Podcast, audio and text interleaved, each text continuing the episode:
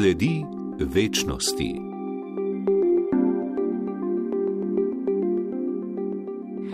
Slovenke in slovenci praznujemo dan reformacije kot državni praznik in dela prosti dan od leta 1992. Na ta dan obujamo spomin na avgustinskega redovnika in biblicista Martina Lutra. Ta je 31. oktober 1517 na vrata cerkve v Wittenbergu v Nemčiji obesil 95 tes, v katerih je zahteval cerkveno prenovo. Pravi latinistka in jezikoslavka ter dobra poznavalka zgodovine prekmurja in protestantizma, doktorica Klaudija Sedar ki je pred kratkim prevzela položaj direktorice zavoda Primoža Trubarja. Tega je pred leti ustanovila Evangeličanska crkva Augsburške veroizpovedi v Sloveniji. Doktorica Sedar poudarja, da se na dan reformacije spomnimo na naše korenine. Torej, izhajamo od dr. Martina Lutra, ki je s svojim javnim nastopom, s tem, da se je izpostavil in v javnost dal tisto, kar ga je težilo že nekaj let, torej svoje breme, ki jih je, je strnil v 95 tez uh, in je potem doseglo to epohalne premike. Uh, tako da takrat uh, se je torej začelo, začela se je ta reforma in uh, potem je seveda reformacijsko misel po, uh, ponesel tudi naš Primoš Trubar v Slovenijo in drugi so seveda potem to nadaljevali in Tukaj ima seveda zelo pomembno vlogo jezik, kajti že dr. Martin Luther je uh, zagovarjal, da mora vsak svetopismo brati v svojem domačem maternem jeziku. In uh, na tej podlagi torej, moramo tudi mi graditi danes, torej spoštovati naš materni jezik in mu seveda tudi uh, nadalje izražati zvestobo, ker ne na zadnje, eh, zaradi jezika eh, smo tudi obstali teh 500 let in verjamem, da eh, bo tako še v prihodnje. Prvo zapisano slovensko besedo smo dobili leta 1550, ko je slovenski protestantski duhovnik Primoš Trubar napisal Katekizem in abecednik prve slovenske besede Primoža Trubarja v prvi slovenski knjigi Katekizem so: Za vse slovence prosim milosti, miru in usmiljenja in pravega spoznanja Boga po Jezusu Kristusu. Njegovi sopotniki, seveda najbolj znani protestantski pisci, so se, seveda Juri Dalmatin, um, Adam Bohorič in pa uh, Sebastian Krelj. In uh, v, v preteklem letu uh, je minila tudi 500-letnica rojstva Adama Bohoriča, tako da Adam Bohorič je že eden izmed tistih, ki je bil morda uh, nekoliko prezrt skozi vsta čas, pa vendar ne smemo biti kritični, uh, vsekako se je ohranil spomin, se ohranja, tudi to dokazujejo številni spomeniki in pomniki v slovenskem prostoru. Uh, pa vendarle eh, njegova slovnica, ki je bila sicer napisana v latinskem jeziku, morda zaradi tega tudi ni eh, dosegla tolikšne prepoznavnosti, kot bi jo pravzaprav morala. Naša sogovornica, dr. Sedar, je v soavtorstvu s Tadejo Andrejek napisala knjižico Po poti reformacije na slovenskem. V njej sta identificirali točke reformacije po Sloveniji. Ja, ta brošura je išla leta 2019 uh, v slovenskem in angliškem jeziku, ravno sedaj je v pripravi ponatis in pa še uh, izdaja v nemškem jeziku. Uh, namen pa je bil prav ta, torej, da se uh, spomni splošno javnost na te točke, ki, kjer je torej reformacijski duh uh, že od davnih let. Se širijo, torej začetki in pa kje danes torej najdemo nekakšne pomnike, točke, ki nas opominjajo na te sledi iz preteklosti. Res je, po celem slovenskem prostoru jih imamo, so pa bili uh, ponekod tudi že uničeni in pa nas to, na to opominjajo le zapisane besede. Tako da uh, ta pot reformacije uh, torej je lahko ena istočnica za, tudi za boljše poznavanje uh, poti, ki je potekala torej na današnjem slovenskem prostoru, ki vse uh, se je uh, reformacijski duh širil, v kolikšni meri in kaj lahko danes potem imamo tudi od tega. Ne? Politične okoliščine so vplivale, da se je največ pomembnih mejnikov reformacije ohranilo v prekmurju, pravi dr. Sedar. Prekmurje je vse do leta 1919 eh, spadalo pod eh, sedanjo Ogorsko oziroma sedanjo Mačarsko in eh, ta skupnost, bom rekla, je se ohranjala kljub temu, da je bila del neke druge politične, kulturne pripadnosti in znotraj te skupnosti je tudi bil zelo močan, močna zavest identitete, Eh, v ta namen je seveda eh, tudi potem eh, nastal prekmorski knjižni jezik in zelo močno se je razvijala tudi potem reformacija, sploh po tolerančnem patentu leta 1781, ko so takoj potem čez dve leti nastale že prve tri evangeličanske cerkve in potem v nadaljnih letih se je to še nadaljevalo. Nekako je ta prizadevnost bila uh, zadosti močna. Uh, pri tem pa moramo tudi se ozreti nazaj v 16. stoletje, ker je uh, prav uh, tako bila močna reformacija, tedaj so jo podpirali seveda zemljiški gospodje in uh, je torej izvor že takrat. Je pa potem seveda prišla protireformacija, ko je bilo uh, to gibanje zatrto in se je potem uh, na novo spostavila v 18. stoletju in še danes uh, so tukaj eh, v prekmorju res tisti eh, ključni meniki reformacije. Reformacija v 16. stoletju je v katoliški Evropi povzročila verske delitve in nastajanje novih veroizpovedi. Kot rečeno, Protestantizem se je začel, ko je Martin Luther nabil na crkvena vrata 95 zahtev, z njimi je, kot pravijo teologi in zgodovinari, grajal prakso in zlorabo trgovanja z odpustki v tedajni katoliški cerkvi. Protestantsko gibanje pa je dobilo ime leta 1539 po skupini nemških knezov, ki so tega leta protestirali pri papežu, ker niso smeli imeti svojih verskih idealov. Protestantizem je eno od treh največjih vej krščanstva, obsega pa različne teološke in družbene poglede.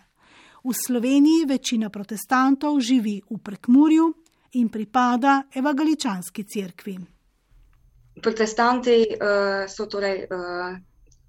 Ta veja je torej nastala, potem najprej bila reformacija. Protestantizem, kot sam izraz, pa se je uveljavil nekoliko kasneje, torej ko je šlo tudi za proteste. Eh, in pod protestantizmom danes razumemo več crkvenih eh, krščanskih crkva. Ena najmočnejša med njimi je seveda evangeličanska crkva Augsburške vere spovedi Republike Slovenije in potem še nekatere manjše. Tako da tudi tiste crkve, tiste skupnosti, ki izhajajo iz reformacije, potem nadaljujejo to, ta, to pot protestantizma seveda tudi naprej bodi dovolj zgodovine.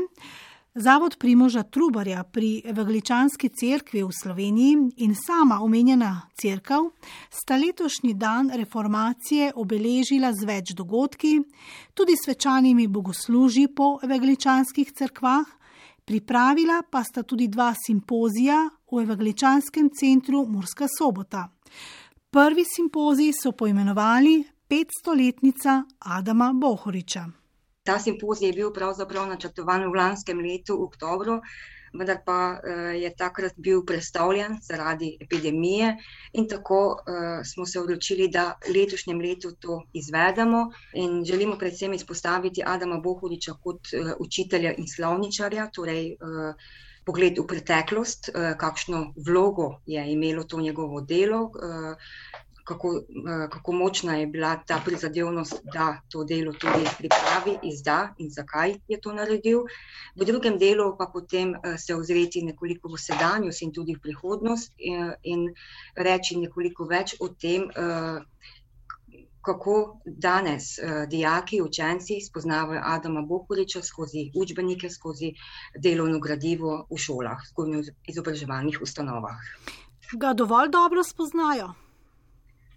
Lahko bi ga še bolj, zagotovo. Um, ponavadi uh, se spoznajo tiste osnovne uh, informacije, torej uh, rojstvo, uh, kaj je pripravil, nekoliko manj pa mogoče to, eh, da je tudi eh, zelo pomembno vlogo imel pri razvoju eh, protestantskega šolstva, torej tudi kot dolgoletni ravnatelj stanovske šole, in pa seveda tudi njegova druga dela, tudi na zadnje šolski red, ki ga je pripravil, in pa tudi samo slovnico, bi morda lahko uh, na sami slovnici bi lahko bil morda tudi nekoliko večji povdarek, kajti uh, če se v neko delo ne poglobimo, vsaj malo, potem ga tudi ne razumemo najbolje, kaj nam hoče povedati.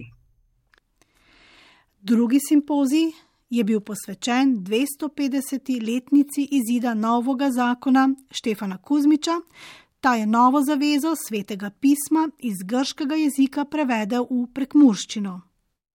Ja, leta 1771, torej pred 250 leti, je šel prevod nove zaveze svetega pisma v prekmurskem jeziku, ki ga je pripravil prekmurski rojak Štefan Kuzmič, rojen v Strukovcih na Goričkem. In s tem je prekmurskim slovencem podaril knjigo vseh knjig, jeziku pa postavil normo. Kot sem povedala že prej, eh, v 18. stoletju se je torej na novo začela vzpostavljati crkvena organizacija po prekmorju.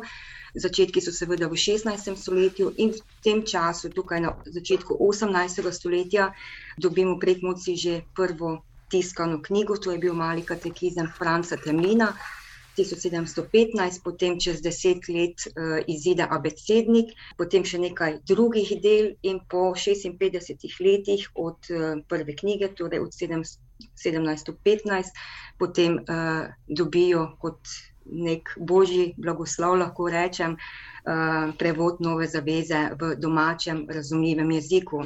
Seveda je razumljivo, da so dela nastajala eh, postopoma in da so začeli izdajati krajša dela, kajti namen je bil najprej, da se ljudstvo opismeni, da bo znalo torej brati in pisati in da bo potem lahko bralo eh, teže besedila, torej tista, ki jih nekoliko zahtevajo več napora in tudi razmišljanja. Tako da je potem zelo logično, da je ta prevod nove zaveze uh, išel uh, nekaj let, torej dobrih 50 let po prvi tiskani knjigi. In to je res bil en čudež. Um, Štefan Kuzmič je bil takrat duhovnik v Šurdu, torej na Mačarskem, kamor so odšli mnogi Eh, prekmurci v času proti reformacije, torej so se tudi izseljevali, eh, saj doma seveda niso smeli imeti bogoslužja. Eh, Šurt pa je bil eno izmed artikularnih krajev, kjer so pa lahko šli k bogoslužju, tudi upravljali, šli k zakramentom in upravljali druge crkvene zakramente.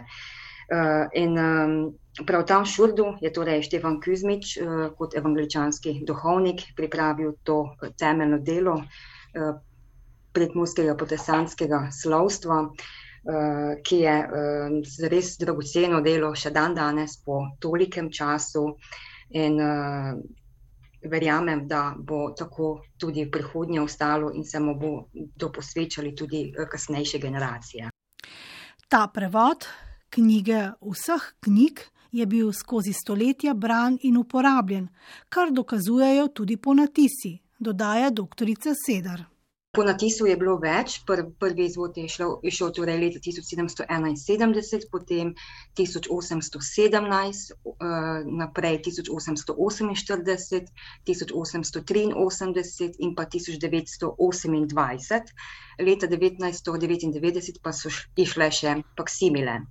Uh, in te tri zadnji, torej 1848, 1800. 1983 in pa 1928 imajo zraven še eh, žoltarske knjige, torej knjige psalmov um, duhovnika Aleksandra Terplana, uh, ki je deloval v Pucuncih, ki je tudi danes najstarejša evangeličanska gmajna. Protestantski duhovniki so izdajali knjige v slovenščini v prvi vrsti iz verskih nagibov.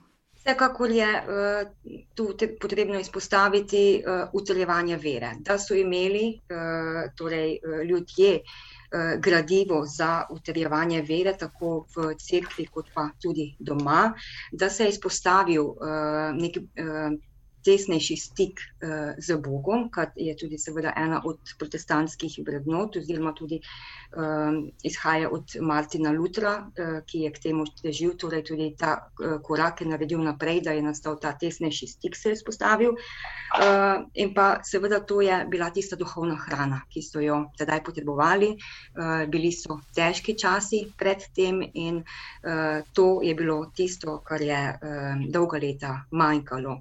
Da pa je bil ta um, novi zakon, uh, torej prevod nove zaveze svetega pisma, še dolgo v uporabi, nakazujejo prav ti ponatisi, prav tako dokazujejo to tudi evangeličanski vizitacijski zapisniki, v katerih beremo, da med uh, crkvenim inventarjem, da je bila seveda tudi prisotna prav ta knjiga.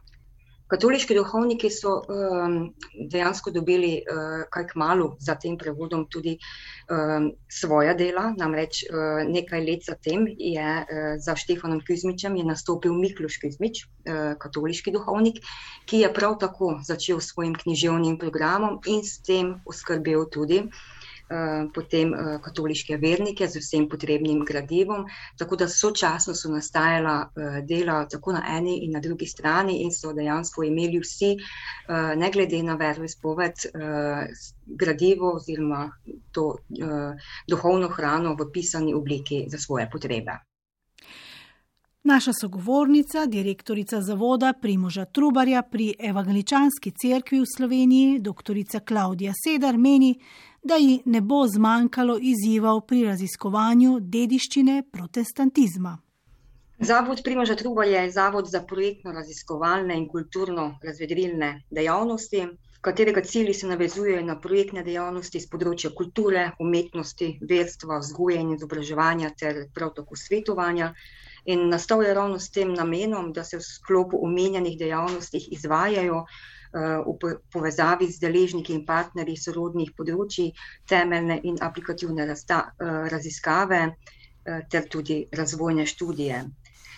Zagotoviti pa si želim in pa deliti dobre prakse, tudi temelječ, te, ki temeljijo na kulturni dediščini, Eh, narediti uspešne zgodbe, potem se posvečati vsebinam, ki so pomembne za našo eksistenco, za identiteto in tudi seveda medgeneracijski utrip v družbenem okolju. Eh, zdaj lahko rečem, da um, bi si že zelo želela z novimi razvojnimi idejami odgovarjati na potrebe po, uh, tako po razvedrilu kot kulturi, uh, raziskovanju, uh, ohranjanju kulturne dediščine s ciljem, da se ustvari nek pozitiven odnos, bolj pozitiven. Uh, In pa da to uh, ima tudi nek učinek, tako pri družbi, kot posamezniku, seveda pozitiven učinek, da uh, tudi v smislu obogatitve in pa seveda novih vsebin. Eh, ne na zadnje vemo, da eh, ohranjanje in razvoj kulturne dediščine spodbuja človekov družbeni in kulturni razvoj in izboljšuje kakovost življenja, prav tako ustvarjalnost, pomembna je seveda povezanost družbe in pa izboljševanje odnosa družbe do dediščine in prav eh, na tem bi želela graditi v prihodnje. Dodajmo še, da zavod Primoža Trubarja izdaja najstarejšo evangeličansko publikacijo pri nas, Evangeličanski koledar. Lani je minilo sto let od izida njegove prve številke, zato so letošnjemu priložili faksimile prvega evangeličanskega koledarja Luther kalendari. To je bila prva periodična publikacija, ki je išla k malu po združitvi prek Murja z matično državo. Ta koledar smo predstavili v eni od oddaj na začetku leta. Letos mineva tudi 50 let od izdajanja mesečnika Evangeličanski list.